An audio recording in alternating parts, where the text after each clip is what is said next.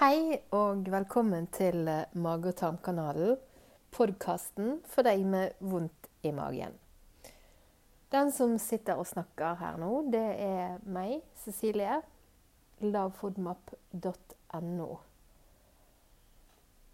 Noen har kanskje fått med seg at um, jeg startet uh, Mage- og tarmkanalen-podkast i um, høst en gang. I den første podkasten så fortalte jeg at jeg kom til å fortsette med podkasten, bare det tekniske skulle stå meg bi. Det viste seg at eh, det tekniske ikke ville være med på min side, og um, det er den største grunnen til at uh, det bare ble to episoder med Mage- og tarmkanalen. Faktisk så var det tekniske så lite med meg at um, At det bare ligger én episode ute på uh, nettet nå. For det at episode nummer én, den forsvant i det store intet. Så nå ligger episode to ute på, um, på nettet. Og uh, siden episode én mangler, så tenkte jeg at jeg skulle ta litt av første episoden om igjen. Rett og slett for å forklare hva mage- og tarmkanalen er og skal være. Mage- og tarmkanal er egentlig en slags eh, fortsettelse av bloggen lavfodmap.no.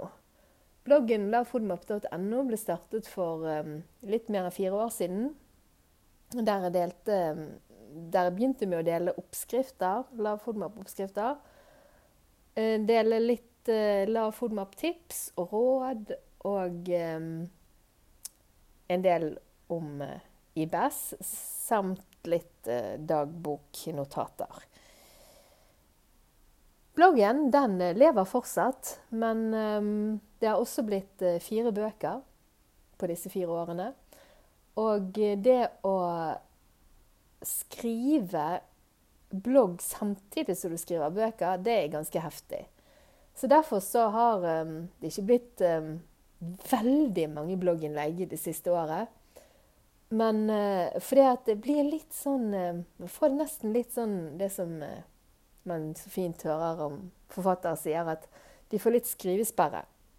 Og det kan man vel trygt si at jeg har uh, hatt litt innimellom. Så da tenkte jeg at kanskje det vil være lettere for meg å ha en podkast.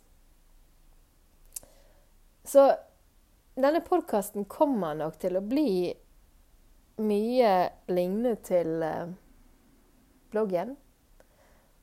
Men eh, jeg kommer Det blir nok litt mer um, lett og ledig. Og ikke så veldig strukturert. Det hører du kanskje allerede. Men litt struktur, struktur, må man jo ha. Så det jeg skal dele i denne podkasten, det er selvfølgelig eh, lav FODMAP, råd og tips. Men det blir også veldig mye om IBS og mestring. Det er fordi at jeg har skjønt at eh, veldig mange sliter med IBS i hverdagen når de skal ut, uh, når de skal ut og reise. Så hoper problemene seg opp litt. Det er greit hjemme, men med en gang man uh, skal utenfor døren, så må man plutselig på do. Noen som kjenner seg igjen der? Ja.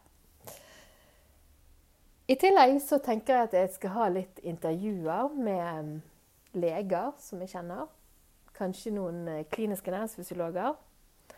Og absolutt Mari, som er medforfatteren min på den eh, siste boken.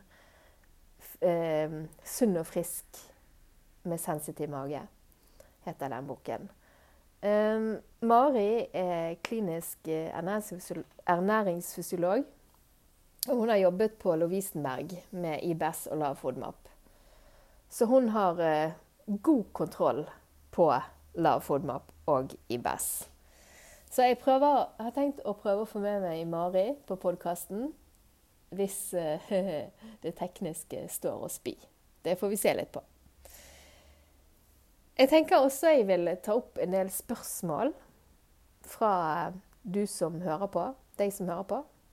Så har du spørsmål eller har du spesielle emner du har lyst til at jeg skal ta opp, så er det bare å sende meg en e-post på Cecilie at lovefoodmap.no.